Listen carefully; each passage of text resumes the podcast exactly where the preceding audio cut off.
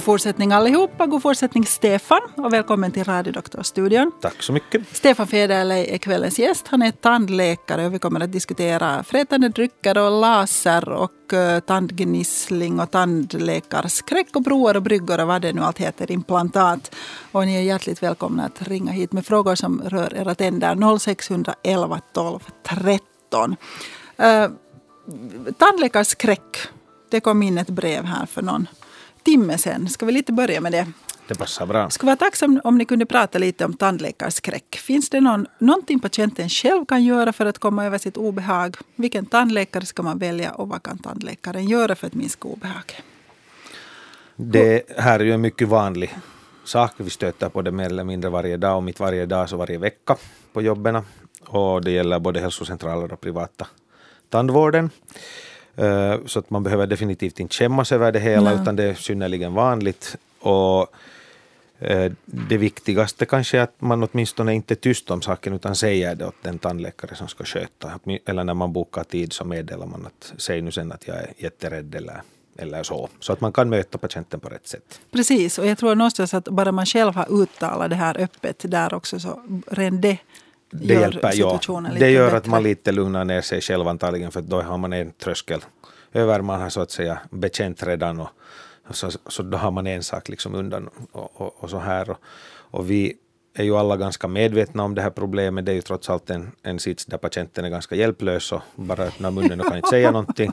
Så att, så att vi vet det, det gås igenom också i skolan eh, när vi studerar. Men det är klart att när det till exempel fråga, när hon frågar här att, att uh, vilken tandläkare ska jag välja så där kan man inte kanske ge direkt direktiv på vem eftersom det är ganska fast i personligheten hos tandläkaren att, att man kan möta patienten på rätt sätt och det är ju lite hur man lär sig att handskas. Det finns tandläkare som gör reklam för att de liksom har specialiserat sig på patienter ja. med tandläkarskräck. Det stämmer och, och, det kan också vara i många fall sådana mottagningar där de sen har också specialhjälpmedel de har för medicinering eller om det är riktigt så att säga grova fall av skräck där man mer eller mindre är helt förlamad så att säga för att, att delta som patient så kan man ju ge sådana här intravenösa lugnande medel så att man sederar patienten så att patienten nästan, so nästan, sover. So ja. nästan mm. sover. Ja. Man, man, det är ju inte narkos nu då, det är ju sen sån där riktigt super, men, men det där liksom riktigt grava fall av rädsla, men det brukar inte mera behövas. Den här sedationen får man så pass stark redan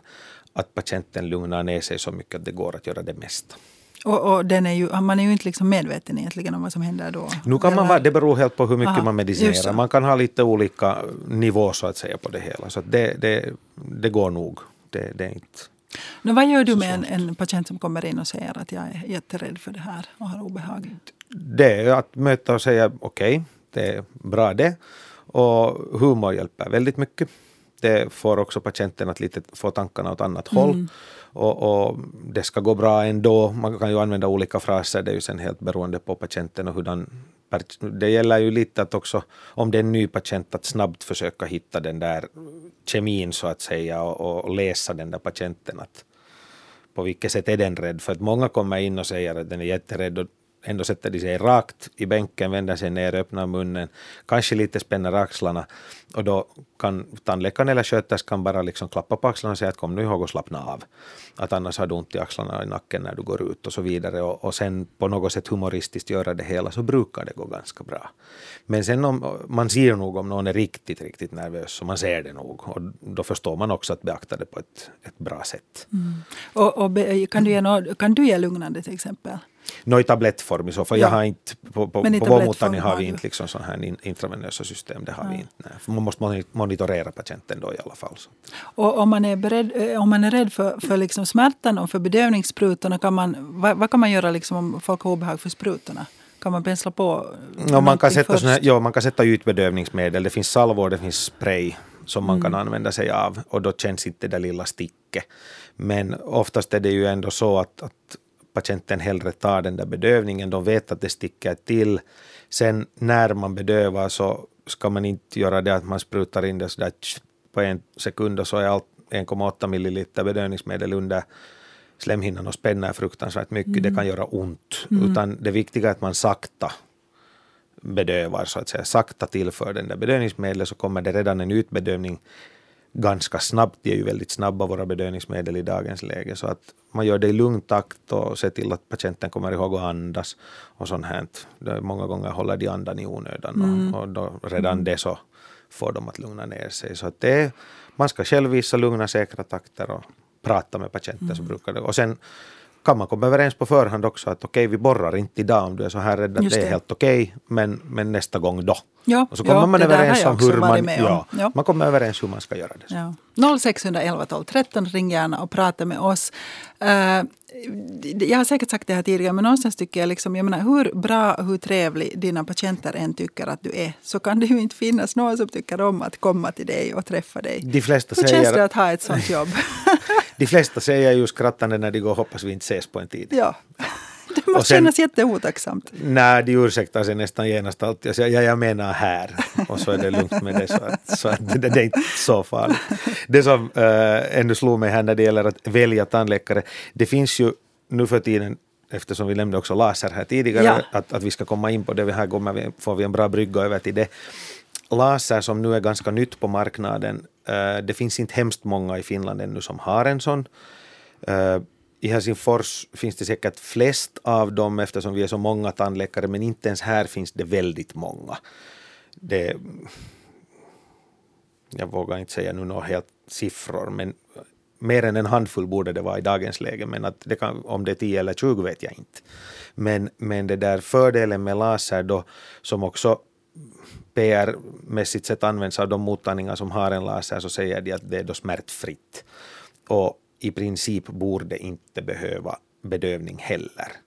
Och idén med laser, dels så, så saknar den också det här höga visslande ljudet som våra högfartsborrar eller turbiner mm. har. Det där ilande ljudet tycker inte alla om. Det är ju det värsta nästan. Ja, ja och, och det, där, det har de inte, men de har ett sånt tickande ljud. Så att mm. nu har de ljud, inte det ljudlösa, men, men att det där, den här laserstrålen kommer med en så hög frekvens att nerven inte hinner uppfatta att det kommer en irritation och det är det som är basen till den här idén att det blir smärtfritt. Det är alltså alternativ till Ja, det är inte liksom en fysisk beröring så där som mm. borren som karvar ur det där dåliga ur tanden utan det är, det är den här laserstrålen som gör det och, och, och desinficerar i och för sig också samtidigt. Den har många andra fördelar. Men du, du, du, tror alltså att det stämmer det de säger att det inte ska göra ont? Ja, nu stämmer det. Det gör det nog. Det finns det ju påvisat nog och de har ju monitorerat det så att det, det stämmer säkert.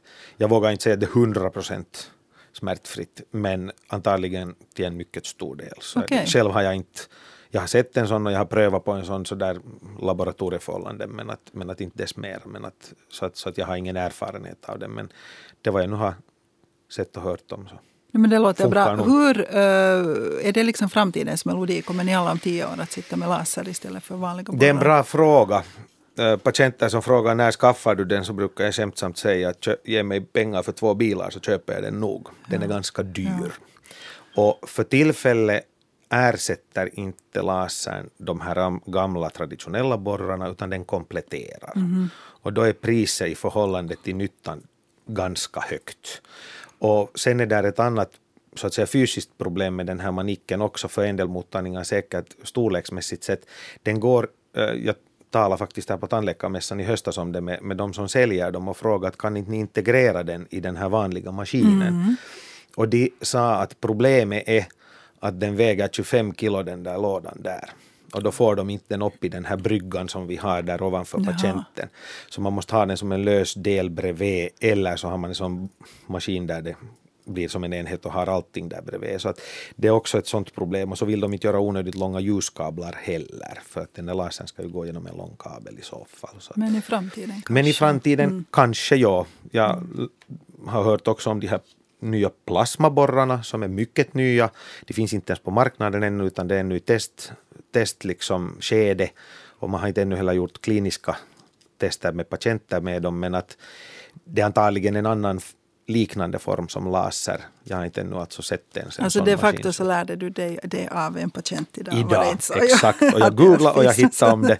Men, men det, det är lite roligt, alltså det sker ju utveckling hela tiden lasern är ju långt före den här plasman men det kan ju hända att om den går med annars samma teknik så vem vet, kanske den går förbi. Laser används dock på mjukdelskirurgi mycket idag. Ja, så ja, det, det är redan ja, etablerat. Men ja. det, är sen, det är lite annan maskin också. Nu tar vi in kvällens första lyssnare. Hej, välkommen till radiodoktorn. Tackar. Du har ilande tandhalsar, var det så? Jo, därför att jag är en äldre människa och tandköttet drar sig bort från eh, emaljen, Ja. både i övre och nedre käken, i synnerhet övre, för att jag har sneda tänder. Och när jag är ute och vandrar och det är kallt, eller när jag är ute och skidar, så när jag kommer in så får jag en fruktansvärd värk i tänderna. Kan man göra någonting åt det? Jag har provat en tandkräm där det stod att det hjälper för hand, men inte har jag märkt någon skillnad. Hur länge har du använt den här tandkrämen? Eh, jag skulle säga den september. Okej, så det är flera månader i alla fall. Ja, ja. Ja, eh, det är ett trick. Sen är det ett besök på, hos tandläkaren eller tandhygienisten som kan pensla fluor på, på tandhalsarnas yta. Och idén med det, är alltså det problemet är som, precis som du säger att tandköttet har dragit sig bakåt och den här tandhalsen har frilagt så där finns inte den där skyddande emaljen. Och på den här rotytan som då syns så är, finns de här öppna kanalerna som går in mot nerven i tanden. Ja. Och, och genom att sätta en, ett, en sån här fluorpensling på, på en mottagning så kan man lite så att säga sluta till de här kanalerna och på det sättet få den här irritationen att mindre gå in i tänderna. Och det kan hända att man måste upprepa det ett par gånger innan det Jag tänkte just fråga hur ofta måste man upprepa det? Alltså jag kan säga att min uh, tandläkare här på radion har brukat, jag har precis samma problem, kanske inte så svårt som du, men, men jag har alltså sådär den här tiden på året gått och fått den där penslingen och sen har den hållit i sig hela vintern. Och sen har jag fått en ny följande vinter. Precis. Ja. Det, det beror på. Om det är väldigt gravt så kan det vara att du behöver gå en gång till inom en månad och sen kanske det är bättre. Och, och, och, och sen är det, finns det ju också nu för tiden mun, sån här munvatten sköljningar av olika märken, men det finns också sådana som är speciellt riktade mot ilande tänder. Kanske det kan komplettera också den här tandkrämen. Men for, fortsätt absolut med den där tandkrämen. Eventuellt kan du testa ett annat märke och, och se om det skulle vara ännu effektivare. Ja. Och, och sen ska du se till att du har en supermjuk tandborste. Aha, Det ja, mjukaste du hittar och så ska du inte kompensera mjukheten med styrka i händerna när du borstar och, och gnugga hårdare för då blir skadorna ännu värre bara. Och så ska man gnugga från sida till sida och inte uppifrån ner. I sidled, ja. Så att borsta inte upp och ner ifall du skulle råka göra det, utan i sidled enbart, också framtänderna på en, erkänna maskinell tandborste kanske bättre. Nå, det, bättre eller sämre är det inte nödvändigtvis, utan det, det är mera en teknikfråga.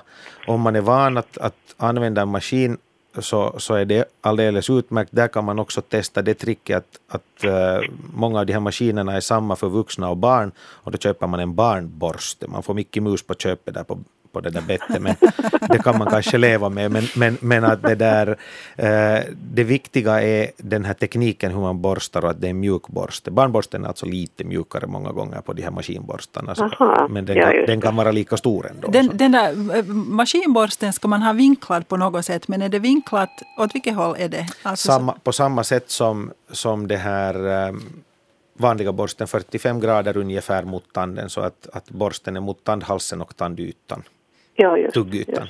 Ja. Övre käken uppåt och nedre käken neråt blir det då. Och lutningen, lutningen är 45 grader Så utifrån eller inifrån beroende på vilken yta man Alltså om borstar. du, om du har borsten eh, rakt mot tänderna eh, i övre käken Mm, så ska du vända den vänder du uppåt. den så att borstarna pekar Ja, uppåt. ja, förstås. mot ja, mot tandköttet. Just ja, så. Precis. Just så. Okej, men, men den där penslingen kan jag varmt rekommendera. Ja. Ja, men det Åtminstone på mig har det fungerat. Och det är ju inte en tandläkare som behöver göra det. Ja, utan det kan hygienisten kan göra det hygienisten också. Kan göra Ja, det. Det är en del. kan vara lite Ja, jag billigare. är nu på väg till en tandhygienist så det passar bra. riktigt Då ska Det du be att få en, på en det. fluor där på tandhalsarna så hjälper det. Tack, tack. Bra, Lycka till! tack så mycket. Ha det bra. Hej. Hej då. Vi hade en, en liknande fråga här som eh, säkert fick delvis svar på det här. Hon undrar att vad Ja. är det tandläkaren penslar på som också Exakt. skyddar henne. Hon har då liksom både det att det ilar i vintern och sen att det bultar i takt med pulsen i hela, hela övre tandköttet Ja. när jag kommer utomhus. Precis, och det, det är nog i princip samma problem eh, och, och lösningen är i princip densamma. Där kan också finnas, eh, när här, om jag kommer rätt ihåg så står här att det kommer den Inomhus och utomhus. Ja, nej bultar. det, nej, det var högst utan, utan emalj. Det var också tandhalsen. Men att det kan också vara att man har erosion på tänderna, vilket betyder alltså att emaljen har frätts delvis bort, inte helt nödvändigtvis, mm. men, mhm. men att delvis sliten emalj och också tandspetsen som vi också tuggar med så att säga, så kan ju slitas emaljen så pass mycket att tandbenet kommer fram. Och då kan också ilningen komma från det hållet. Så Just det, att för att vad hon undrar är det här. Folk säger att emaljen är känslolös och att ilandet mm. kommer från den lilla delen högst upp utan emalj. Men om jag till exempel sätter yttersta tandändan i en kall glass precis. känner jag absolut av det. Ja. Hur förklarar man det? Det, det, no, det är just antagligen det här slitaget som kan vara delvis orsaken. Men att, jo, emaljen i sig är ju känslolös men det är ju, känslan kommer ju från nerven i tanden. Det är, det är därifrån det kommer. Och är, är emaljen väldigt sliten så kommer det lättare igenom också. Så. När vi nu pratar om tanderosion, är det alltså det som mm. tänderna äh, angrips av när vi dricker till exempel sportdrycker? Japp. Mycket enkelt att svara, jo det är just det vad det är. Och, och det är ju sura drycker överlag, inte bara sportdrycker. Sportdryckerna har sedan dessutom alla socker och annat till som alla läskdrycker också har.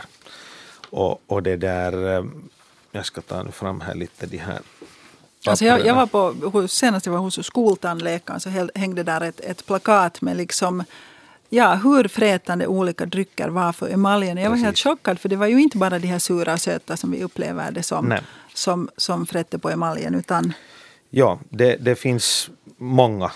Och, och det där, många kanske inte tänker på det att bara den där äppelsaften och apelsinsaften där hemma som man har gjort med sina egna äppel eller dricker juice snällt på morgonen för att det är hälsosamt, mm. så de fräter också. Men sen finns det ju de här andra hälsofördelarna så att man kan ju, ska mm. inte nödvändigtvis helt lämna bort dem. Men, men att eh, om man dricker som törstdricka, saft, läsk, sportdryck eller sånt, så då slits tänderna och det går fort. Det behövs inte hemskt långvarigt så att säga missbruk av det här så, så syns det redan. Och med drycker så är det ju så att eftersom de nu i princip också lite simmar omkring i den här drycken, de här tänderna, så, så sliter det just den här erosionen på, på emaljen så det går över hela ytan.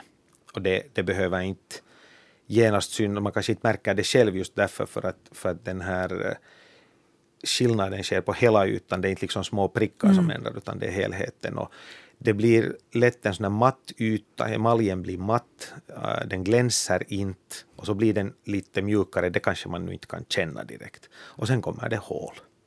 Det är det det leder till? Liksom det leder längden. till karies definitivt. Och, och, och, det där, och det mjukar upp helt enkelt. Och har du en början till ett hål och du sen ännu häller på sur sockerhaltig dricka så är det verkligt liksom goda för de här bakterierna. De, de gräver etter värre.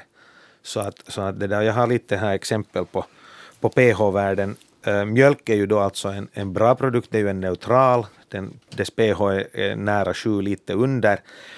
Äh, vi har en sån här, om inte magisk så i alla fall någorlunda markerande pH-värde på 5,5.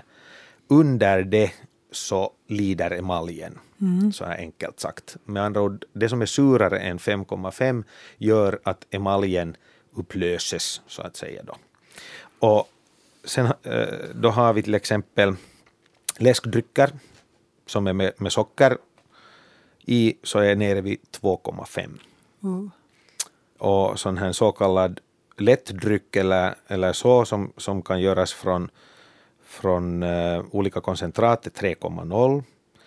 Uh, tranbärssaft 2,7, apelsinsaft 4,0 Sen kommer vi till de här alkoholhaltiga cider och vin som också är frätande. De har ett pH på bara 3 till 4. Så det ska man också komma ihåg att dricker man vin varje dag så fräter det också. Att, att det har sina fördelar och nackdelar med allt. Uh, sen har vi uh, sådana här intressanta saker som jag råkar hitta på nätet att när man använder, om vi då går över till vichy, vatten ja. så att säga, kolsyrad kolsyrat mineralvatten. Mm. Så är det på det sättet att vanlig vichy helt utan något tillsatt smakämnen eller någonting, så dess pH ligger där kring 5-5,5. Den är inte så Det är farlig. okej, Den är ja. hyfsat OK, men man ska ju inte sen dricka liksom 1,5 liter per dag av det. För inte mår man bra av att ha för mycket kolsyra i magen heller. Man kanske får sura uppstötningar och då kommer den där sura magsaften och den är ju sur. Just det. Och Den är redigt sur, så att det är sen skadligt åt andra hållet. Men i sig, om man nu och då dricker så där normalt sett så borde inte, alltså kolsyra i sig är inte en hemskt frätande syra, Okej. har jag lärt mig Men, också. men hur är det med de här uh, vichyvattnen som... Med smaksatta, Ja. de är sura. Alla. Och de går alla ner till till och med fyra. Och under fyra. Den där listan skulle du kunna ge mig så kan vi sätta in den på webbdoktorn för alla som är intresserade. det jag tycker det är lite säkert, ja. intressant det där. Det är hemskt många drycker som man aldrig har tänkt på att skulle vara illa Ja, för tänderna. här är till exempel sådana som har citronsmak, råkar jag nu hitta ett sånt Ja. som har exempel som går ner till 3,4 och 3,8. Nå, om man ändå vill dricka sin vichy med citronsmak eller sitt glas Mm. vitt vin eller sin Jo, alltså något, vad ska man, hur ska man bete sig sen? Borde man Tänderna mjölk tål på? fem till sex gånger en syraattack per dygn. Och om man då fördelar det på en måltid så är det i praktiken en attack hela måltiden igenom. Den blir lite längre förstås när man äter. Men på det sättet så, så det där blir det inte man kan inte säga lika skadligt, det är klart det skadar också, men alltså man behöver inte låta bli, men bara man nu lite tänker efter så klarar ju sig de flesta nog inte. inte ju, Men den här, den, den här erosionen, den här, alltså den, det är inte så att emaljen återhämtar sig sen så småningom? Nej, utan vi, det är ju på det sättet att, att syraattacken, till exempel efter att man har ätit, så tar 30 minuter. Men man kan försnabba återhämtningen med till exempel xylitoltuggummi och då tar det 10 minuter. Så att när man har druckit sitt glas vitt vin så är det bra att ta ett xylitol tuggummi Nå, om man då. bara sitter och så att säga pimplar på kvällen så ja, då är det i och för sig bra. Ja. Och, och sen ska man då inte borsta tänderna direkt på man har druckit Nej, apelsinjuice? man ska inte äh, borsta tänderna äh, egentligen alls genast efter man har ätit heller, utan man ska vänta tills syraattacken är förbi. För att emaljen är mjuk, går man med borsten och skrubbar så sliter det på emaljen då istället och det är nästan kraftigare också. Så där ska man vara försiktig. Och hur länge det sa du? En halvtimme? Halvtimme. Om inte man då tar xylitoltuggummi, då går det med tio minuter. Okej. Sen har jag en intressant, Ja. och det var något som jag inte heller nästan trodde på först. Och det är det här när man nu för tiden har de här maskinerna där man hemma kan tillföra kolsyra till vatten. Ja, sån har vi just skaffat. Om man tar kranvatten så enligt den här som jag nu hittar på nätet så går det ner till 4,6 pH. Kolsyran sänker vattnets... Ja, det, det är inte riktigt så enkelt. Kolsyran gör det, men nu är skillnaden mellan en vichyflaska eller ett kolsyrat mineralvatten Aha. och det här kranvattnet är det att i mineralvattnet finns det salter Ja. och mineraler. Ja. Det finns det inte i kranvattnet. Och de här mineralerna hjälper upp det där pH-värdet. Samma gäller till exempel surmjölk, pime. Den är i princip, alltså pH för den är 4,4 men på grund av att den har andra buffa, buffrande medel i sig så gör det att den inte skadar emaljen. Okej. Och konstigt nog så är öl också en sån. Någonting att vara Och, glad över. och kaffe också. Alltså kaffe och Kaffe öl är- är okej är för okej. tänderna. I det hänseendet, ja. Sen är Ja. det en annan sak att kaffe färgar och sånt här. Ja. Men, att, men att när det gäller erosion så ja. No, men äpplen och apelsiner och sånt då? De fräter också. Det är ju sur, surt. Det är bara att ta ett pH-papper och testa. Det är nog mycket surt. Det går också ner till fyra eller någonting sånt. En citronskiva i en kanna vatten, det sjunker direkt. Så mjölk är det vi borde dricka. Nå, mjölk, och man kan alltid avsluta med ett glas mjölk efteråt om inte annat. Nu tar vi in följande lyssnare. Hej, välkommen till radiodoktorn. Jo, hej. Det är visst jag som är nu. Ja, absolut. Ja. Välkommen Ja. hit. Hur kan vi hjälpa? No, jo, jag funderar på det här med osteoporosmedicinernas inverkan på eh, tandstommen. Eh, Jag har förstått att eh, jag slutade efter att ha ätit fem, eh, fem år och, och då förstod jag att det är då så som man ska göra. Jag hörde då om att, att det blir så där underligt glasartad hela benstommen och, och i synnerhet om man drar ut tänder sen och sånt så kan det bli nekros i, i käkbenet. Och, och nu undrar jag att hur länge påverkar en sån här osteoporosmedicinering, till exempel med optinat septimum? Mm, det där var en jättebra fråga. Nu måste jag medge att det där kan jag inte svara 100% säkert på.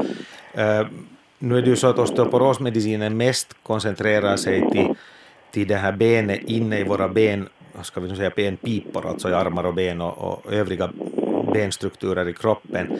Eh, tandben är ju lite annorlunda till sin struktur. Säkert får det också fördelar av de här medicinerna, men jag har inte hört om den här nekrosbildningen på grund av att man har ätit osteoporosmedicin. Alltså det finns som, vet, tror du du kan vrida ner din, uh, din det här radio så ska vi säga, det finns alltså uh, det finns en sån här käkbensnekros Nekros, som kan ja. komma vid men, men den tror jag kommer ganska med en gång, den kommer knappast ja, efter det, Den kommer nog år. genast i så fall, åtminstone vid strålbehandlad käke så att säga, om man har haft cancer i, i, i ansiktet och, och käkarna har blivit strålbehandlade, så då finns det definitivt en risk för, för nekros i, i käkbenet.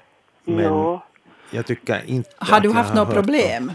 Uh, Eller undrar du bara sådär för säkerhets skull? Jag har blivit påmind om det här att jag borde säga till när jag går till tandläkare att, att, att jag har ätit sån här av, av en som då har satt sig lite in i det här men att inte på något sätt professionell. Och, och, det där, och jag undrar nu att hur, hur, hur det riktigt står till. Att, att, eh, nu vet jag inte att beror det på det att, att eh, jag just har så här eh, bara de här tand, vad heter det nu, de här halsarna. Men det, det ilar liksom lite, lite i hela, jag tycker det drogs ut en tand då, alldeles med samma då när jag hade slutat. Ja. Och, och det där, och nu har jag tyckt att det, det känns liksom någonting konstigt där, just på den delen av, där jag faktiskt är utan tänder nu då, ja. en liten bit. När du säger att det känns lite, kan du beskriva, vad, är det ilningar närmast? No, på något underligt sätt tycker jag att det att, att jag inte förut har varit medveten liksom om mm.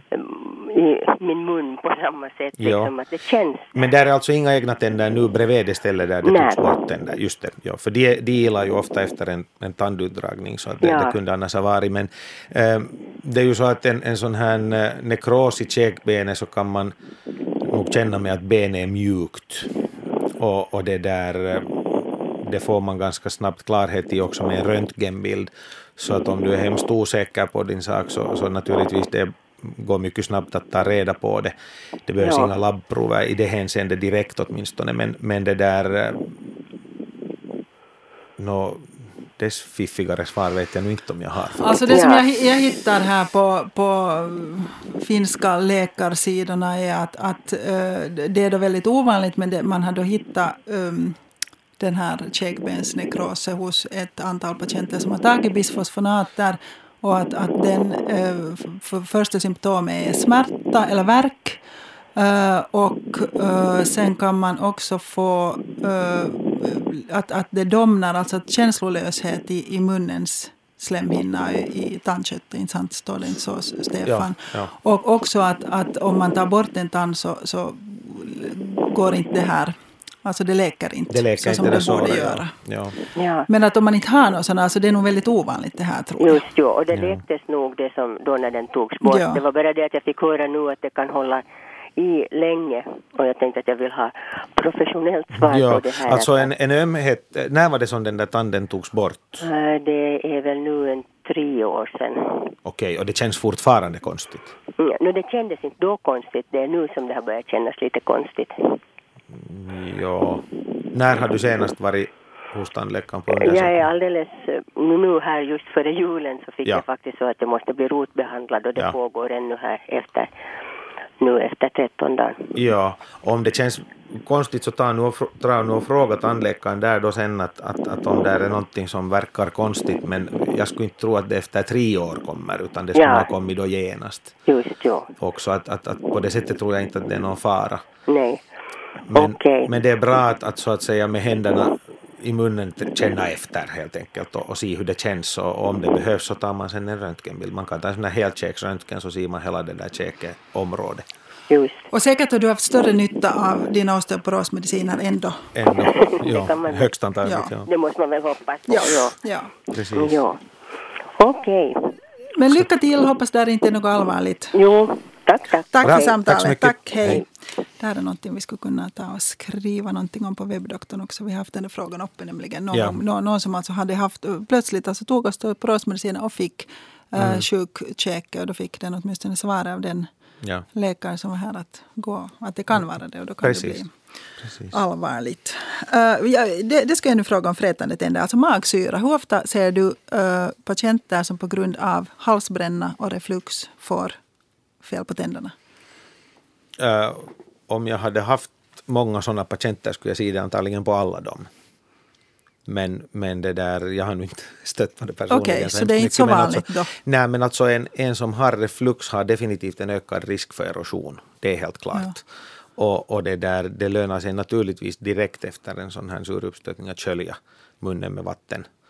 Och, och, och det där, varför inte med mjölk också, men, men, men det där definitivt inte tvätta tänderna genast efter en Nej, sur det. uppstötning eller om man, om man skulle lida av bulimi till exempel, eller anorexi eller så, så att man kastar upp ofta, Mm. så, som också fräter väldigt mycket på tänderna, så ska man minsann inte tvätta tänderna direkt efter att det har kommit Vilket en man ju gör, Vilket man förstås. mycket lätt gör. Man borde orka vänta. Ja. Men det här, jag menar, sker det en gång i året så är det ingen katastrof. Men om det sker ofta på grund av sjukdom eller annat så då absolut försöka orka vänta bara, fast det smakar illa. Uh, kokis då, det här att man sätter en tand i, ett glas med Coca-Cola och sen följande morgon är det försvunnet. Det, En det, myt. Det är en myt. Det är en myt, men det finns, eh, jag råkade hitta också på, på nätet en, en, en sida där det fanns bilder på hur det ser ut när en tand har legat en vecka i vatten och i mjölk och i te och, och kokis och vad det nu var. Och, och cit, äh, citronte, iste, förlåt. Jo. Jaha. Och det visade sig att iste och kokis, de såg för jäkliga ut. Alltså, de, var alla, de, var, de tänderna var riktigt bruna och, och hemska. Framförallt då på tandroten. Emaljen tar inte lika mycket fasta på dem, men de smälter nog inte bort på en vecka, det gör de nog inte. Och Men de påverkas. Ännu mindre på en natt. De påverkas definitivt. Jo, jo, man ser nog skillnaden direkt. Så Okej, ett brev från en eh, ganska olycklig lyssnare som skriver vart ska man vända sig om man känner sig trakasserad av tandläkare? Många oförsiktiga saker har skett hos tandläkare som har förvärrat den skada som redan är. Hur är det med kompetensen? Är det någon som kontrollerar hur det jobbas på tandklinikerna? Hur är det med det, Stefan? Det en- Kontrollerar någon hur ni jobbar? Det är en jättebra fråga. Det är nog mest patienterna som kontrollerar. Eh, Vi har naturligtvis den här som nu har varit med alla de här bluffläckarna på tapeten, Valvira som kollar att vi är utbildade som jobbar och om ingen anmäler så får nog ingen fast heller. Jag tror att blufftandläkare är ganska ovanligt. Jag har visserligen hört om en någonstans utomlands längre borta från, det var inte i Europa ens, som hade i 20 år lyckats jobba som lufttandläkare. Det var ganska skickligt måste jag säga. Man måste nog våga ganska mycket, men att den risken tror jag inte finns. Eh, Kompetensen, egentligen finns det inte någon övervakande instans på det sättet, för att eh, när man väl är utbildad till tandläkare så är rättigheterna ganska vida.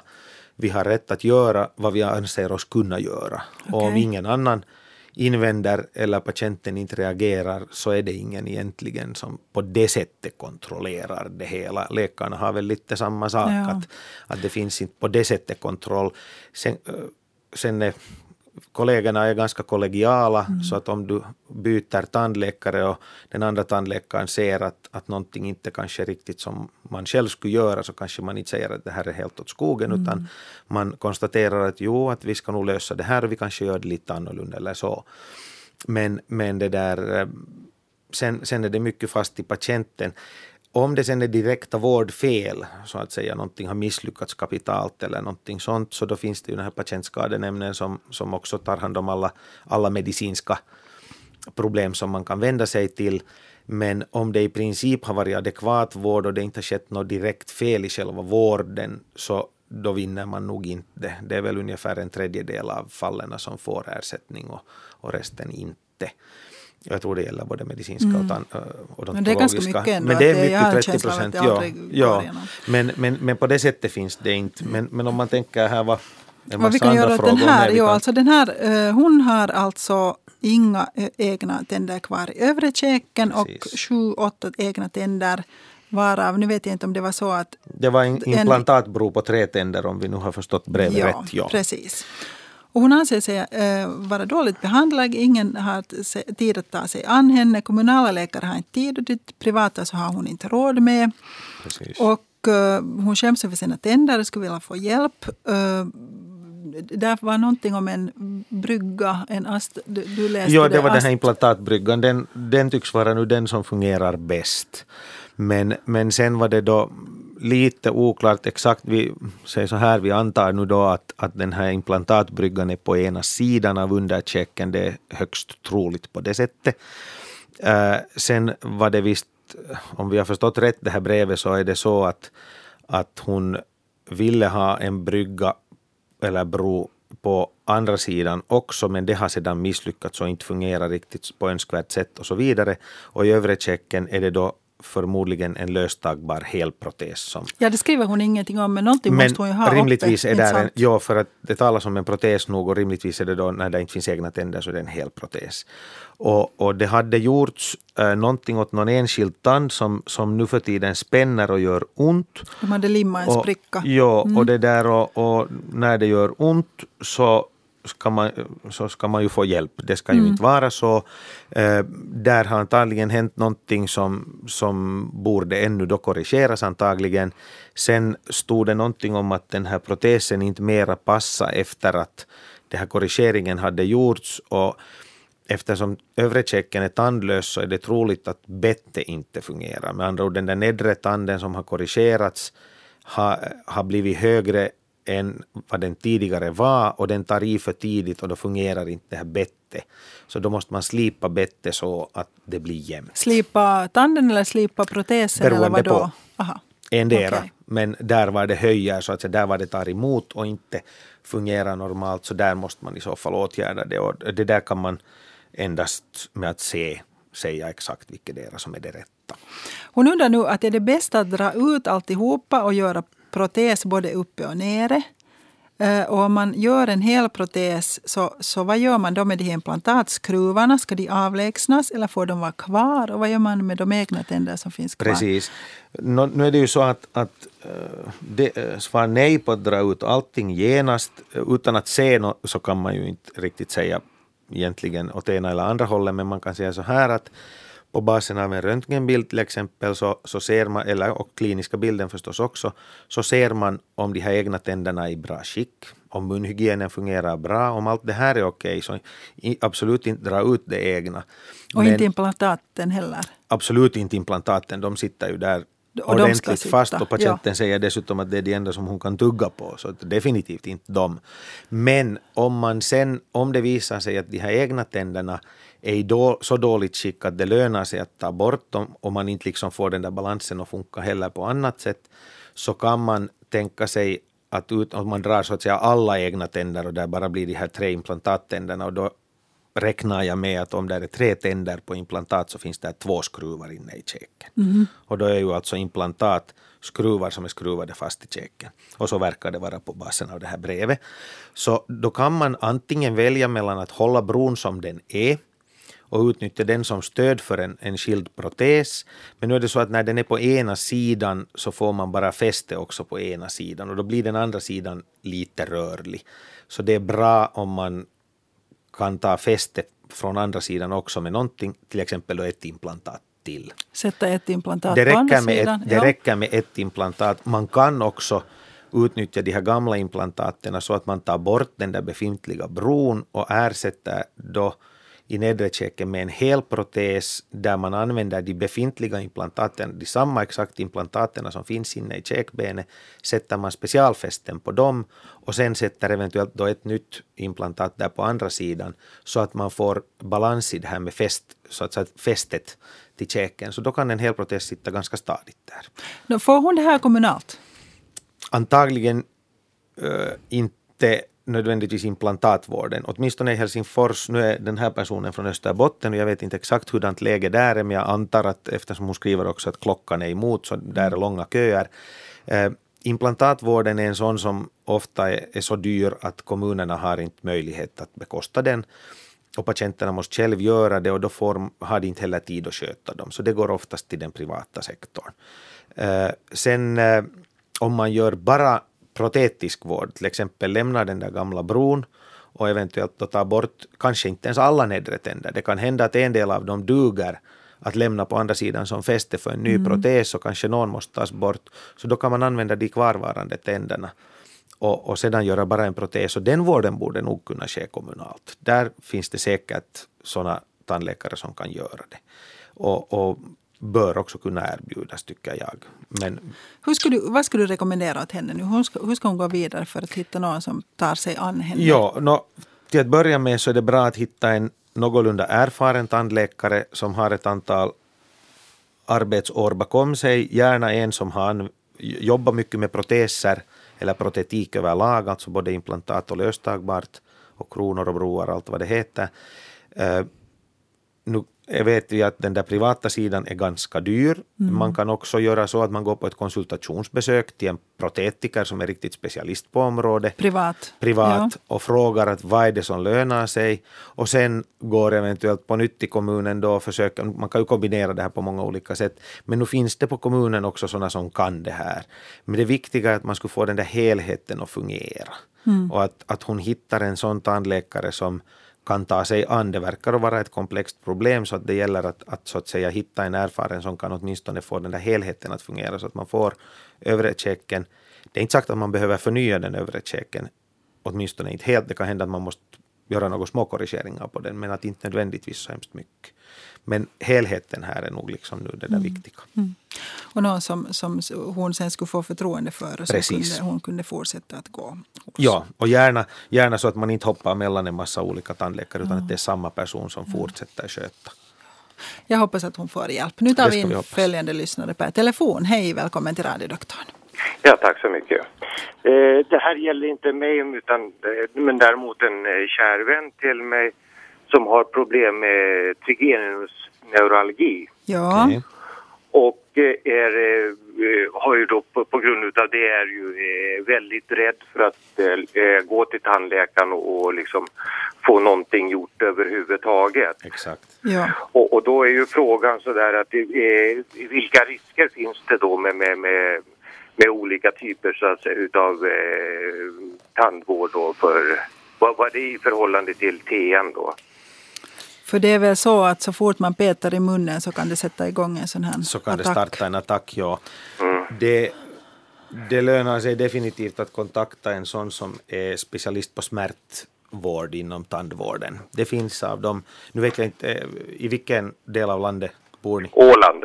Åland, okej. Okay. Ja. ja. där vet jag inte med säkerhet, men att jag är ganska säker på att, på att uh, de där åtminstone privata och månne inte också kommunala praktikerna där kan, kan säga var, var man finner hjälp till sånt här.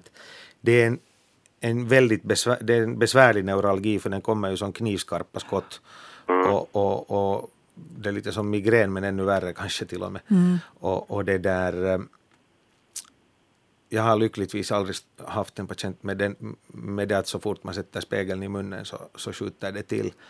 Men definitivt skulle jag säga att, att det är nog att kontakta en sån som är specialiserad på sån här. Det kan hända att, att, att man måste ta sig från Åland till fastlandet, jag är inte helt säker. Ja, ja det kan jag tänka. Ja, det, det, är mycket möjligt. I Helsingfors finns det åtminstone några, både på privata sidan och också på universitetsklinikerna som är specialiserade på det här och, och, som säkert kan ge adekvat vård så att det fungerar. Ja, precis. Men, men det, det, det rådet är ändå att man, man, man undviker det, liksom det, det vanliga tandläkaren utan man, man, man tar en som är specialist på det här. No, det...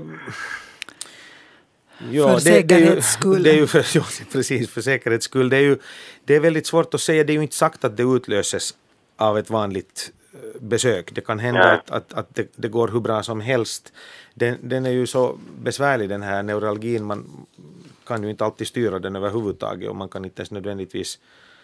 Eh, ofta vet ju personen i fråga när en sån där attack, vilka beröringar som är problematiska. Mm. Om det finns saker som man, kan, som man vet att man kan göra utan problem så då gör man ju det gärna.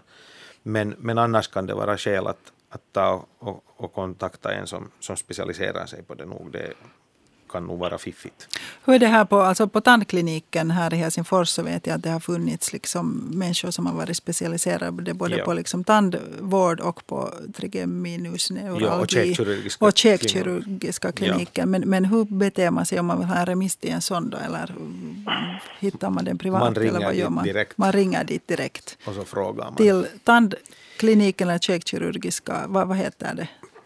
Det är, no, det är hus, käkkirurgiska klinik på kirurgiska sjukhuset. Ja, ja. Det är väl så det heter. Ja. Ja. Försök med det och Jag se skulle om ni nästan kommer ringa dit vidare. och, dit, Ja. dit och fråga rekommendationer. Och, och, och det där... eh, Sen finns, det finns också på privata sektorn sådana som är specialiserade på sånt här. Så att, så att man hittar nog sådana också. Och, och, och på privata sektorn finns det många som är medvetna om vilka de är också. Så att, Ja. Ja, men då får jag tacka så hemskt mycket för rådet i alla Ja. fall. Så. Lycka Ingenting, till, hoppas ni hoppas det får bra. hjälp. Jo, tack. Bra, Lycka tack så till, mycket. hej då. Hej. Eh, Sverige ligger, många ålänningar åker ut i Sverige Naturligtvis, också. det finns säkert i Uppsala Stockholm. Ja, i Stockholm kan man Stockholm säkert få hjälp till det också på samma sätt. Ja. För två år sedan drogs två tänder bak i munnen ut på grund av varbildning. Tandläkaren sa att det inte spelar någon roll vad gäller utseende. Nu börjar jag ändå tycka att det känns illa och obekvämt. Vad kunde göras? Använder man ännu så kallade bryggor och vad kostar det? Vad är bästa alternativet för mig under en man på 49 år? det här är en, en klassisk situation kan man säga. Nu står här inte om det är övre checken eller under checken det är frågan om. Eh, igen får man väl betona helheten är igen avgörande här. Det kanske då inte syns, men det kan bli problematiskt i bett för det fattas ju ändå på ena sidan. För, förskjuts det inte liksom? No, de flyttar snett? inte nödvändigtvis på sig så hemskt mycket de här tänderna. Det beror också på lite hur, om det är de två, tre, två sista tänderna i raden eller om det är två bak i raden och där finns ännu en bakom. Mm. Och i nedre käken så om man tar två tänder som är före den där sista så att säga, de två andra och tredje sista tanden, så då börjar den bakersta tanden att lätt så att säga luta sig framåt och ännu lättare ifall, ifall eh, stödjevävnaderna inte är i skick. Men eh, i underchecken så kan lösningen vara enkel med implantat om det är de sista tänderna.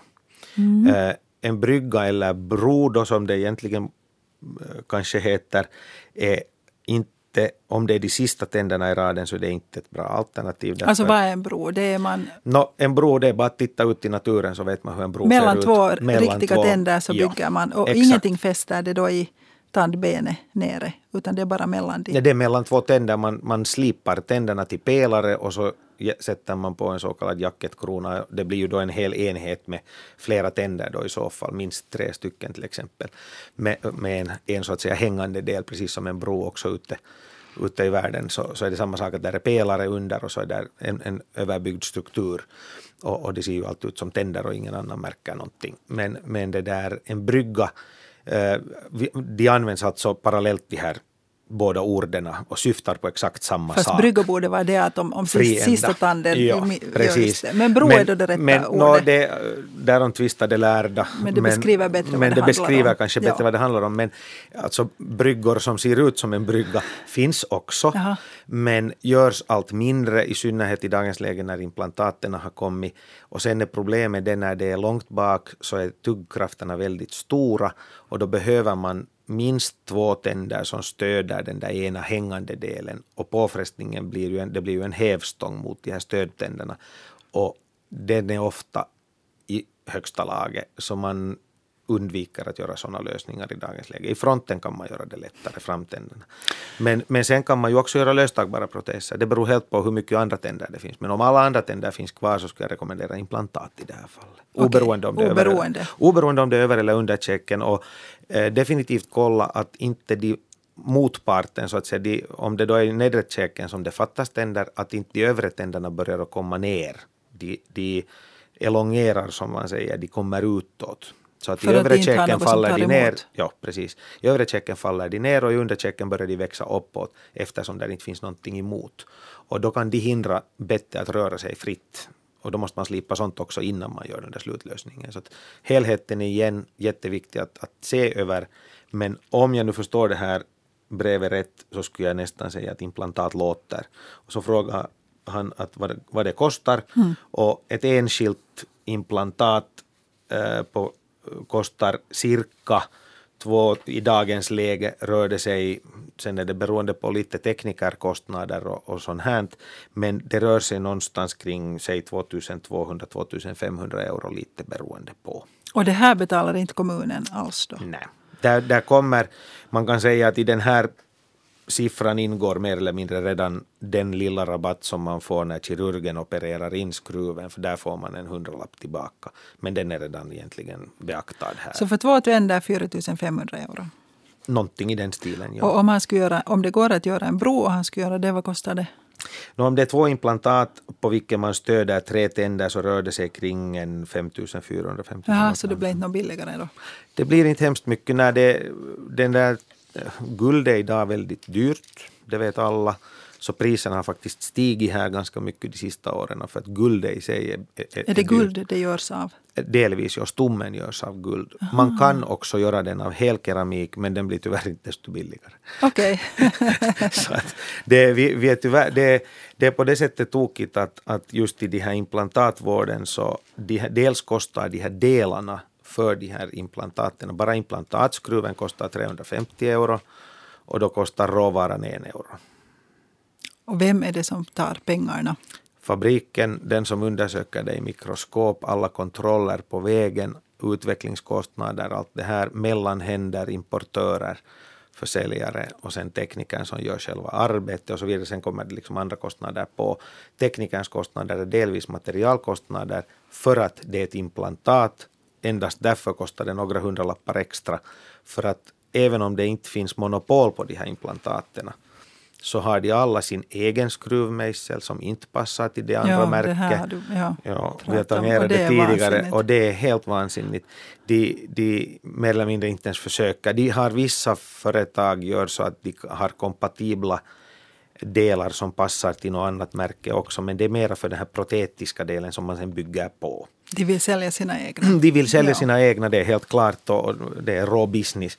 Mm. Så det, men att om man vill så kan man åka, åka utomlands. Det finns billigare ställen att få det från söderut till våra grannländer i baltiska staterna. Och kan man lita på det då? Nu kan man lita på det, ja. Men åker man, om vi nu tar Estland som exempel, så i Tallinn tror jag inte att man får så hemskt mycket mera rabatt, men om du åker lite utanför. Men sen är det just de här omständigheterna som man inte sen känner till och man vet inte hur, hurdant jobb det är och man vet inte hur den där tekniska utförande är, den här teknikerdelen och vad för material använder de. Det är det här osäkerhetsmomentet som, som mm. gör folk väldigt oroliga. Och visst, visst kommer där bra produkter, men det är klart att man kan ha dålig tur också. Och då, och då vet man inte vem man ska vända sig Nej, till och klaga. sen är det lite krångligare. Ja. Här är en dam som undrar vad är det som avgör om en tand bör rotfyllas eller inte? No, det är om det är infektion eller ett så djupt hål att det går in i nerven. Då är det rotfyllning som gäller. Ganska kort och koncist sagt. Alltså en infektion under en tand i, i rotspetsen, det är då alltså en infektion inne i käkbenet, så den går inte att åtgärda bara med tabletter och medicin utan den måste göras lokalt och då är det rotbehandling som gäller. Och ett djupt hål som går så djupt ner att det går in i, nerv, in i nerven eller nästan in i nerven så har så gott som alltid infekterat nerven och då måste man rotbehandla för att annars är nerven fast i plomben eller fyllningen som hela tiden trycker på och då har man värk varje gång man biter. Okay. Så då rotfyller man. Eh, jag skulle här emellan säga att vi fick ett brev från en, e, en, en man i Eknäs, skrev han själv, mm. som, som har, har själv erfarenhet av gråst, gråstarr och grönstarr, alltså starr och glaukom. Och, och ville gärna att vi i något skede med en ögonläkare skulle diskutera sjukdomarna och uh, operationsmetoder. Det ska vi absolut försöka göra här under under våren få en ögonläkare till radiodoktorn. Och sen ska jag berätta att för en vecka sedan så diskuterade vi viktnedgång i radiodoktorn och då bildade vi en Facebookgrupp som i all enkelhet heter Radiodoktorns bantare. Än så länge har vi nu inte någon proffshjälp men där finns väldigt mycket proffshjälp bland, vi är nu ungefär 35 stycken erfarna bantare som under många år har vet både vad som fungerar och vad som inte fungerar. Det är en hemskt fin grupp nu med, med varma, charmiga människor som stöttar och uppmuntrar och hejar på varandra. Om någon skriver att Åh, jag längtar efter en chokoplatta så är det genast tio stycken som, som skriver att nej, nej, ta ingen, ta ingen, ta en morot istället. Det är en hemskt fin grupp och det är någon av er som, som är med på Facebook och känner för att joina oss i radiodoktorns bantare så kom gärna med. Man skriver in i sökrutan radiodoktorns bantare så hittar man oss den vägen och kan ansöka om att komma med i gruppen och alla är välkomna.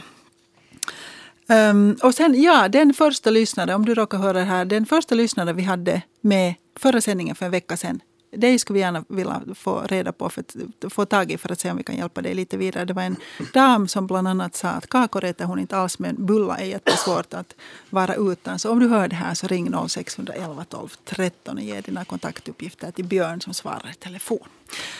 Uh, det om det. Nu fortsätter vi med tandfrågor en liten stund till tillsammans med Stefan Federley. En dam på 63 år som har funderat mycket på implantat av fyra tänder, två i övre och två i nedre käken, alla bak i munnen.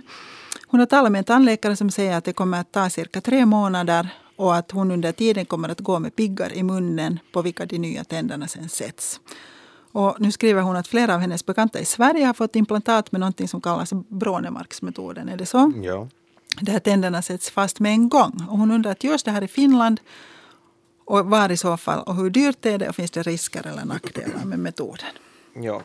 Eh, Brånemark-metoden det är alltså tandläkaren herr Brånemark som uppfann det här med implantaten egentligen. Så det är då en svensk som, som får credits för det.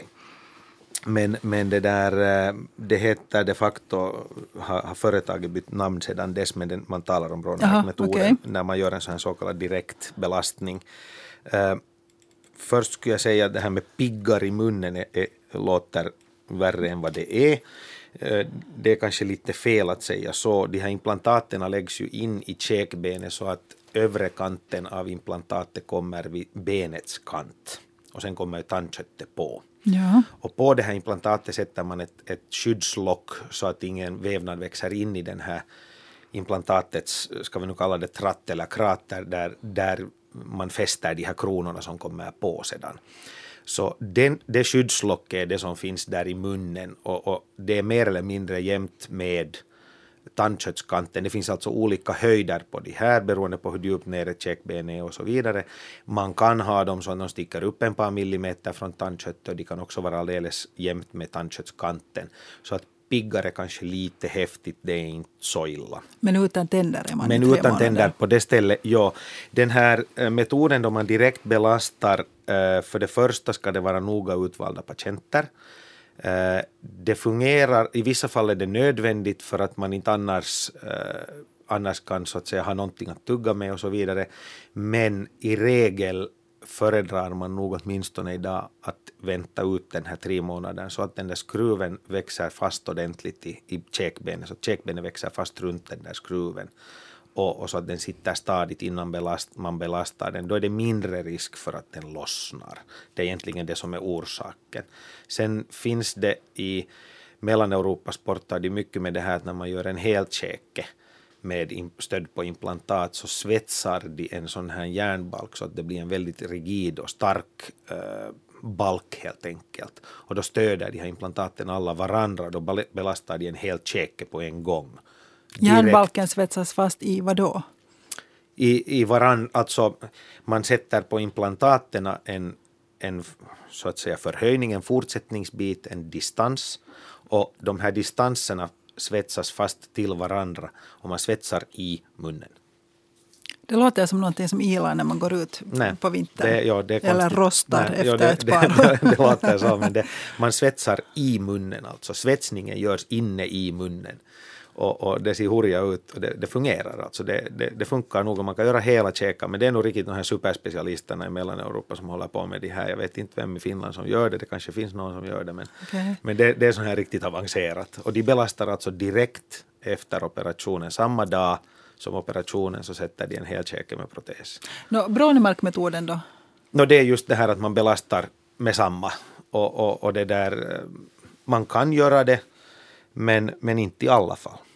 Alla men, gånger går det inte. Att, att, att det där, jag tror inte att till exempel om de här är mot varandra rakt, de här implantaten, att det är liksom två tänder uppe och nere på till exempel vänster sida och de är mot varandra, så tror jag inte att det är smart att, att belasta, för det är så hård duns mot varandra att det ger någonting vika antagligen.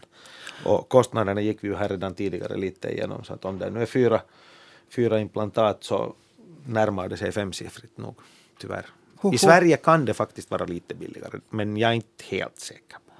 Och, och, det här, och nackdelarna är då att, att det inte hinner växa fast i benet lika bra som, som om man väntar? Som om man väntar, ja. Men, men det finns alltså de situationer där, där det är, är okej att göra det och om man belastar det på rätt sätt så, så kan det till och med hjälpa lite. Det anses att den irritationen gör att den växer bättre. Det liksom gör att benet växer mera fast och så vidare. Okej. Men, men, men att det där, personligen har jag inte använt mig det annat än, jag tror att det var en gång för det var en framtand som var borta och då satt vi en tillfällig krona som inte alls var med i bettet så att den belastade inte egentligen.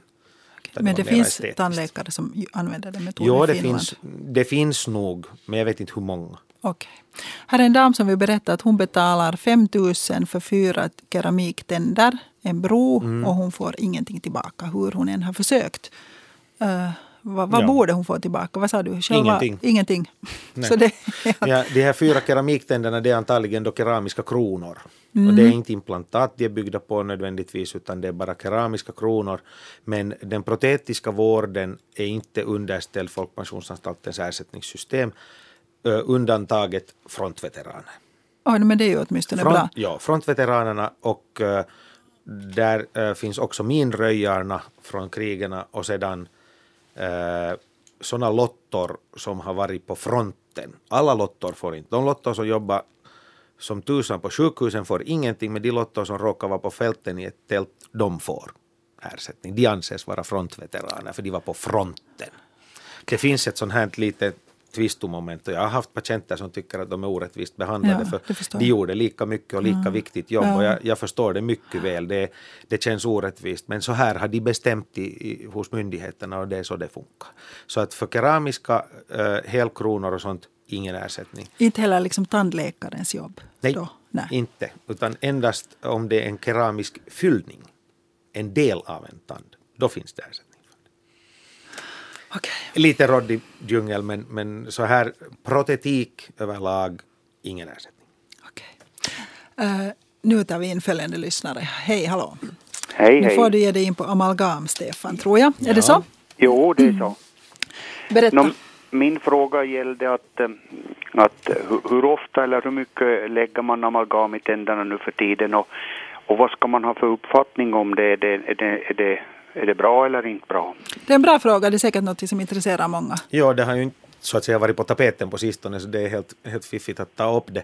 Eh, det är helt klart att det sätts mycket mindre idag än vad det gjordes förr. Det är helt klart. Eh, men eh, det har också kommit fram efter det här 90-talets, eh, om man vill säga värsta hysteri om hur amalgam är farligt och giftigt så har man sedermera undersökt och kommit till och med i Tyskland till att, att inte var det heller så jättefarligt som man trodde. Och, och det där, eh, eh, personligen sätter jag också amalgamfyllningar ifall det kommer så. Nu är det ju så att även om dagens eh, kompositfyllningar, det som man till vardags säger plastfyllningar, är, är mycket bra och de innehåller keramiska partiklar och de är hållbarare än tidigare, så på baktänderna är det så stora krafter att alltid håller inte de heller. Och om det då är möjligt att sätta amalgam så kan det vara till och med lönsamt att, att göra det. Dels så kommer det mindre sekundärkaries under amalgamfyllningar därför att amalgam i sig är lite antibakteriellt medan kompositerna inte är det och sen håller den där metalllegeringen då mycket bättre än de här plasterna när man tuggar. Så av hundra fyllningar, hur många är amalgam? När No, du- det är nog kanske bara en. Men, Okej, ja, men ja, ja, ja, alltså procentuellt sett är det mycket få. Men, men det där eh, det kan hända att om man skulle lite mera koncentrera sig på att hej nu ska vi göra amalgam så kan det hända att man ska göra det varje dag och då blir procenten direkt högre. Men säg så här på synliga områden så sätter man ju inte Ja. utan det är nu egentligen bara baktänderna det är frågan om. Men så hemskt skadligt är det väl nu inte som man då trodde tidigare men samtidigt ska man komma ihåg att det finns de som får problem av det och då måste man åtgärda det på rätt sätt. Mm. Ja, just det. Så att det finns sådana som kan få problem av det. Jo, absolut. Och det, det, är ju, det är ju i så fall att, att gå och göra allergitester och sånt om man, om man tror att man har eh, sån här överkänslighet för amalgamfyllningar. Det, det, nu kommer jag inte ihåg promilleantalet, men det är nog ganska få det gäller. Och är det inte så att det som är bevisat är inte liksom den här allmänna som man många tror eller som det har pratats om mycket att man börjar må så det är allmänt dåligt utan det som är bevisat är det att man får en liksom lokal, eh, Lokal förändring på allergisk reaktion. Ja. Ja. Det, det är kanske det vanligaste. Men man kan inte eh, man kan så att säga de här allmänna illamående och andra, andra situationer så kan man inte nödvändigtvis utesluta men man kan inte bevisa det heller Mm. så hemskt bra. Det är ganska svårt att bevisa det tror jag överlag. Mm. Och, och, och det där, men det är klart man kan alltid göra en undersökning och, och ta blodprov och, och tester och, och se ifall det skulle kunna finnas en överkänslighet för amalgam. Mm, men jag tänkte rent teoretiskt sådär att eh, amalgam innehåller ju rätt så mycket kvicksilver. Ja, det stämmer. Och kvi- kvicksilver är ju då Giftigt. På vilket sätt skulle det kunna vara farligt i munnen? No det, alltså, nu är det ju så att, att om du bara häller kvicksilver i dig så då går det ju illa. Men nu är det ju så att det blandas ju ihop med andra metaller och det blir en legering. Så att det här kvicksilvret i sig frigörs inte så hemskt mycket. Det frigörs väl nog några små mängder men man kan väl jämföra det sig, mm, ungefär med att om du äter fisk från Finska viken varje vecka så får du i dig definitivt mera kvicksilver än du får från dina plomber. Så att, så att där är det ju liksom, man måste lägga lite proportion på det hela. Mm. Har du funderat på amalgam eller har, har du det i? Nej, jag har, jag har upplevt det. Ja, det är bekymmer med mina amalgam, särskilt med en tand. Så att nu har på jag vilket tagit sätt? Bort, nu har jag tagit bort allt, allt. Och Ja. det är på upp- uppmaning då av två oberoende läkare. Precis. som sa att jag skulle ta bort och Ja. det gjorde jag. Och eh, jag fick, eh, ja, ja, jag vet inte om det var av amalgam eller om det var annars. Jag fick en sjukdom som läkaren då på centralsjukhuset kallar för lichenplanus eller något Ja, där. Precis. Ja, Men den är nu, det är nu i balans och, jag mår bra och liksom slemhinnorna är bra och allt är bra. Men, Mm. men, men jag åt selen då efter, efter alltså jag tog bort mina amalgamplomber och sådär. Så att eh, jag bara undrar. Ja, alltså det, det är just den här licken. Eh, I vissa fall så, så det där, eh, det är ju i princip samma som, som eh, licken på huden. Det är samma, samma det där sjukdom. Det är en hudsjukdom egentligen, men den upp, uppenbarar sig på slemhinnorna i munnen som sådana här vita streck och, och, och fält. Och, och, Mm. och, det där, och de kan vara besvärande just, man, man har, det svider i munnen om man äter till exempel just citrusfrukter eller så, Mm. eller pep, mycket starkt kryddad mat går inte alls för sig och, och paprika och sånt så kan vara, vara besvärligt för sådana personer. Och, och om det är så att de så att säga är precis bredvid amalgamfyllningarna, så man ser att här tar det i, så då kan man lätt misstänka att det eventuellt hör ihop och då har man många gånger gjort så att man byter dem. Har, det, har det här bytet annars gjorts alldeles nyligen? Nej, det är nog ett antal år sedan, kanske fyra, fem år Ja. sedan. Har, har, proble har problemen minskat eller har det, har det så att säga hållits lika? Nej, det försvann. Det försvann. Det försvann. Och det har inte Ja. kommit tillbaka? Det, det, var, det var särskilt en tand Ja. som, som var helt amalgamfylld och, och, och det var troligen därifrån, eller ja, i alla fall så på båda sidorna, både på insidan och, och vita, så, Ja. så blev jag vit. Precis. Just det. Och då tog läkaren på centralsjukhuset en provbit ut tungan Ja. Som blev vit, alltså Exakt. den var vit och Ja. det visade sig att det var lite cellförändringar. Mm. Eh, Och, eh, men sen nu då så har jag skött mig och allt, allt är nog Allt är bra. Ja. Och det, det är ju så att licken är i princip ett förstadium där man, som man följer upp helt enkelt så att, att, att det inte, om det förändras mycket så då tar man direkt provbitar. Så att det har gjorts helt korrekt och, och, och då är just, det är just så här man ska gå tillväga i så fall. Så. Men det är ju jättebra att du blev av med det. Det var intressant att veta för andra också om någon möjligen har Nå, ja, jag, liknande problem. Nå, ja, jag, jag, jag, jag mår nog bra idag, men jag känner, kan jag känna av svidandet lite grann någon gång. Precis, ja. Men alltså, jag har ju varit på kontroll nu varje år och, Precis. och allting verkar bra. No, men det är ju jättebra, alltså det, det har nog gjorts helt på rätt sätt och, och det, det, förhoppningsvis håller det sig så här. Jag hoppas det. Lycka Okej. till! Tack för Tack för samtalet, ringde. det var intressant. Tack, hej! hej. Ja, det var bra att amalgam kom upp för det, Ja. det är ju sånt här som liksom för tio år sedan skulle vi ha suttit hela timmen och diskuterat amalgam. ja. Men nu har det lite lugnat ner Ja, sig, diskussionen. Ehm, vi hade lite lov att prata om tandgnissling och blekning, men vi har några frågor som jag tror att vi ska försöka få svar på istället här före. Så nu säger jag bara att på webbdoktorn, svenska.yle.fi svenska.yle.fi snedstreck webbdoktorn. Där finns texter av Stefan som bland annat gäller tandgnissling eller bruxism, Bruxism, som det ja. heter på riktigt. Där finns en hel del om protesalternativ, implantat, rotfyllning och eh, tandblekning också som du har diskuterat i min morgon som finns inne på webbdoktorn. Och eh, så finns det faktiskt en del om tandläkarskräck också. Fast Ja. det tror jag inte att du hade, eller det vet Ja, inte jag om du hade. inte- ja, jag tror det. Men att det, det går ju alltid, vi kan alltid ta det nästa gång. Vi kan ta det nästa gång. Svenska.yle.fi snedstreck webbdoktorn. Sen är det en dam som hälsar och tackar och tycker att, det, att ett så här fint program absolut borde sändas i repris. Så att också de som inte kan lyssna den här tiden kan höra det. Tack, det var roligt att höra. Eh, repris i radio vet jag inte om det kommer, men på arenan kan ni alltid lyssna på radiodoktorn också efteråt. Svenska.yle.fi snedstreck arenan och sen skriver ni radiodoktorn. Där hittar ni alla sändningar, eller inte alla sändningar, men många av de sändningar som har gått ut. Det vill säga alla sändningar sparas där åtminstone några månader. Så ni har möjlighet att gå in och lyssna på oss hur många gånger ni vill. Och, och till arenan så kommer den här, här sändningen att komma sen när vi har satt punkt. Och jag har hunnit stoppa in det dit. Så det tar kanske en halvtimme. Men sen finns det där. Svenska.yle.fi snedstreck arenan. Alltså. Uh, Jo, här är en lyssnare som undrar. Hej, varför är implantaten så dyra? Tidigare kostade glasögon skjortan men med ökad konkurrens har prisen gått ner. Men den frågan kanske du svarar No, den på. svarar vi nästan Guld på, är dyrt och alla roffar åt sig sina. Sina andelar, ja. Kommer det någon gång att ändras? Så att det liksom Det kommer nog in på patenten marknaden. försvinner? Och, No, det är ju inte, patenten har väl nog gått ut för länge sedan för, för herr Brånemark, det var ju han som kom på Ja, det. Men, det. men, men det, det var alltså på 60-talet redan som själva implantatidén kom, men den här själva liksom boomen med att göra implantat kom först på slutet av 90-talet egentligen. Det är nästan en sån här 2000-talsgrej. Men, men det, där, eh, det kommer in på marknaden hela tiden nya implantat, den ena billigare än den andra. Mhm. Men de är inte kliniskt tillräckligt uppföljda. Okej. Och till exempel i Finland, jag kommer så bra ihåg för ett år sedan då vi hade en kursträff och där hade vi då en par specialister med.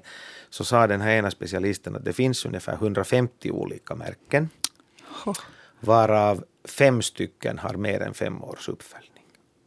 Okej. Och, Och det är de fem man borde använda vi, sig av? Och det är de fem vi, vi mest använder oss av. Okej. Och det säger ganska mycket att när det inte finns uppföljning av Mm. de andra så är det väldigt hög tröskel att byta. Mm. Det finns, det kommer alla möjliga uppfinningar. Om den ena expanderar på ett sätt och rör sig och hit och dit.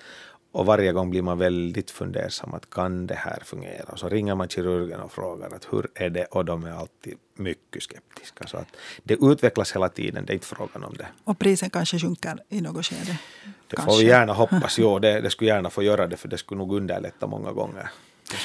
Sen här en, en, eh, eller en, ett brev som kom in redan tidigare, men jag lovar att vi ska ta upp det någon gång när du var med och nu är du med. Så det är en lyssnare som skriver, jag tycker det är skäl att inte överbetona detta med fluor. Det finns ju undersökningar som hävdar att för mycket fluor påverkar tallkottskörteln som i sin tur kan ge MS, multipel skleros. Det finns i allmänhet mycket fluor i vattnet längs våra kuster. En japansk forskning som har kartlagt MS-fallen i världen kom eh, underfund med att just i våra kusttrakter fanns den tätaste koncentrationen av MS. Själv använde jag tandkräm utan fluor, har ändå inte märkt att jag skulle ha sämre tänder än någon annan. Är drygt 62 år och har bara egna tänder fortfarande. Vad säger du om det?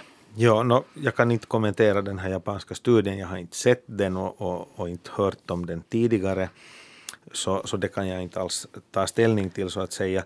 Nu är det ju så att, att fluor eh, i sig behövs både för benstrukturen i vår kropp och också för tänderna. Och som tandläkare så rekommenderar vi fortfarande att, att borsta med fluorhaltig tandkräm två gånger i dagen. Och vid behov kan man också sen behöva fluorsköljningar och annat. Men eh, det som är viktigt är att, att veta hur stor fluorhalten är i vårt kranvatten så att säga. Det varierar lite beroende på olika områden och det finns rekommendationer från WHO som, som eh, är då att det ska vara 1,5 milligram fluor per liter vatten. Och den optimala mängden för tänderna är 0,8 till 1,2 milligram. Och den här maximidosen då är 1,5 som, som WHO tillåter. Och, och det där, i regel så är våra vattendrag ganska lämpliga. Det finns i Kymmenedalen och sen också antagligen i sydvästra Finland, i, i små delar av dem, så finns det ställen där de här fluorhalterna är högre. Och om jag inte missminner mig så är det just i Kymmenedalen som de är riktigt höga. Där det Högre än det som WHO WHO rekommenderar. Och jag är inte nu säker huruvida Vattenverket på något sätt skrider till åtgärder med filter och saker, men i de områden där de här halterna är höga så kan man definitivt fundera på att, att ta tandkräm utan fluor mm. och, och, minska fluorintaget i övrigt. Men, men det finns ju också då fördelar med, med fluorn för kroppen i övrigt. Alltså benstommen behöver ju också fluor. Mm. Så att, lite beroende på var man bor och, och så här. Men som sagt, en sån här undersökning så vet jag inte.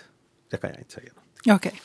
Sen är här några äh, frågor. Hej, en fråga i samlingen diskussioner här hemma. Vi har alltid med jämna mellanrum gifta par troligen som grälar om saker och vänder sig hit för att få, få råd eller mm. få rätt svar. Och det tycker jag alltid är lika roligt, fast vi hoppas att vi inte ställer till med några skilsmässor. En fråga i samlingen diskussioner här hemma, eller egentligen två frågor med underfrågor. Ni nämnde att tänderna tål en 5 till 6 syra, 56 syraattacker mm. per dygn samt att tandtvätt inte borde ske under en sån, alltså mm. medan syraattacken pågår. Då är frågorna. Om morgnarna är det tandtvätt före morgonmålet som är det optimala. Direkt efter morgonmålet på väg ut genom dörren lär det inte löna sig då. På, direkt Under efter morgonen, tiden, ja. just det, då, ja. Så när ska man tvätta tänderna på morgonen? Ja, jag gissar att den här frågan kommer när det... Vi har haft den, den tidigare. Vi ja. har haft den tidigare och svaret är jo. Med andra ord, jo nej. Det är antingen eller. Eh, frågar man tio tandläkare får man antagligen 50-50 svar. Det är lika bra före som efter, men bara det inte direkt efter. Ja, alltså. Alltså den här Före är okej, för då, då tar man bort de bakterier som har funnits ja. under dagen. Eller natten. Eller natten menar jag, under natten. Ja, under natten efter under morgonmålet. Och vad händer om man borstar efter morgonmålet? Så länge man inte gör det genast så att syraattacken är, alltså om man äter så att man springer ut genom dörren direkt efter så borsta då före. Men om man har lite tid efter morgonmålet så ta en xylitoltuggummi, då är det tio minuter, tvätta tänderna och gå sen ut genom dörren. Båda metoderna ger i princip samma resultat. Nu är det igen viktigast, tvätta noggrant och bra, så det är inte så noga vilken metod du använder. Och, och inte som jag, både före och efter morgonmål. Nej, inte både och före. Nej. Uh, för det tycker jag är det fräschaste. det räcker med ena. För att har man, har man borstat bra en gång på morgonen så hålls tänderna rena. Folk är livrädda när de kommer till mottagningen och de, jag har inte tvättat tänderna efter lunchen. Men har du tvättat dem bra på morgonen så är de också rena efter lunchen om du har sköljt ens med vatten. De blir inte så smutsiga. Det här förutsätter förstås att du tvättar bra. Jag lånade just ut min tandborste åt en kollega som skulle till tandläkaren här i huset och sprang hysteriskt och sökte en tandborste för att kunna ja, tvätta nej, det, för. det är nästan bättre om man kommer till tandläkaren så som man är där, för då ser vi hur det är på riktigt. Ja, ja. Putsar okay. ni just före så får vi inte se det som det var egentligen. Eller va? men det vill vi ju inte så, visa. nej, nej, men där, där är det. Man men blir alltså, nog fast för det också. Men alltså, vad, vad säger du? 50-50? Vad, vad ja. säger du? Före morgonmålet eller efter morgonmålet efter att syraattacken har lagt sig? Det är 50-50 säger jag också. Det, men, bara man gör det. Men, men direkt på morgonmålet ska man inte göra det om man inte tagit ett xylitoltuggummi? Då ska man vänta tio minuter, ja. Okej, fråga två. Är det bara sura drycker, mat som ger upphov till syraattacker eller startar det oberoende av vad man äter och eller dricker? Hur är det till exempel med ett glas vatten? Nej, inte ett glas vatten, för det är neutralt. Det är ju alltså då frågan om socker eller syror som startar den här syraattacken. Okej, och om man till exempel har borstat tänderna och sen inte äter och dricker någonting, sker det ingen syraattack då nej. under tiden? Inte, nej, inte sen. Och, och, och framförallt vatten, och, vatten ger inte upphov till en syraattack. Okay. Därför ska man ge vatten som törstdricka åt barn och åt sig själv också. Jag hoppas de fick svar nu på något sätt. Bästa radiodoktor, är det bra att skölja munnen med vatten efter varje måltid och syrliga drycker? Hälsar en gammal gubbe med egna tänder. Jo, det skadar inte. Det, alltså I princip får man ju bort åtminstone lite av det där som blir kvar på tänderna. Men helt blir det ju, kommer det ju inte bort. Att det, det neutraliserar inte, men det minskar lite på bieffekterna. Men, men ta inte som regel att eftersom jag sköljer genast efter med vatten så kan jag dricka lite limo utan undvik det och drick bara vatten istället. Det är, så att säga, och mjölk är då bättre än vatten om man vill ha stopp på syraattacken? I princip ja. ja. Och xylitolgummi är det allra bästa? Allra bäst. Okej. Okay. Hej, hur länge ska man tugga xylitoltuggummi efter att man har ätit? Alltså hur länge ska man hålla... Ja, hur länge? Tills smaken försvinner. Ungefär. Jag tror att den där tio minuterna räcker. Bra. Ja. Och sen en sista fråga innan vi sätter punkt. Har snus någon positiv inverkan på munhygienen? no, i princip är väl nog svaret nej. Positiv inverkan borde den nog inte Men ha. om det sätter igång salivutsöndringen uh, så saliv, minskar det Det sätter igång salivutsöndringen, ja, men den fräter på slemhinnan, den färgar tänderna och det luktar och smakar illa. där, Smakar väl, framförallt. där har vi väl svaret. Men det fräter inte på tänderna direkt då? Eh, Det gör det nog alltså indirekt därför att eh, den, den fräter det där tandköttet som är bredvid tanden. Okej, och det behöver vi. Japp. Så att om man nu verkligen måste snusa så byt plats på var ni sätter snuset. Sätt det inte alltid på samma ställe. Okej. Tack Stefan. Det var en trevlig kväll vi hade. Tack alla ni som var med på brev eller telefon idag. Jag kommer att uh, några veckor göra andra saker. Nu kommer jag sitta och skriva hörspel för Radioteatern, vilket jag ser fram emot. Gia Melin Krank och Kira Schröder kommer att ta hand om er här i Radiodoktorn några veckor framöver. De har en del eh, intressanta, spännande och bra och viktiga ämnen framför allt. Uh, eh, på kommande, bland annat, så ska det handla om sömn och om idrottsmedicin. Och om en vecka så Eh, är tema cancer. Då är Tom Wiklund gäst här. Han är specialist i cancersjukdomar och strålbehandling. Och han är beredd att besvara era frågor om allt från diagnos till behandling när det gäller cancer. Skriv gärna till honom redan nu om ni har frågor. Radiodoktorn postbox 12 00024 rundradion eller radiodoktorn.vegas yle.fi eller ring om en vecka. Ha det så bra. Tack Stefan. Tack.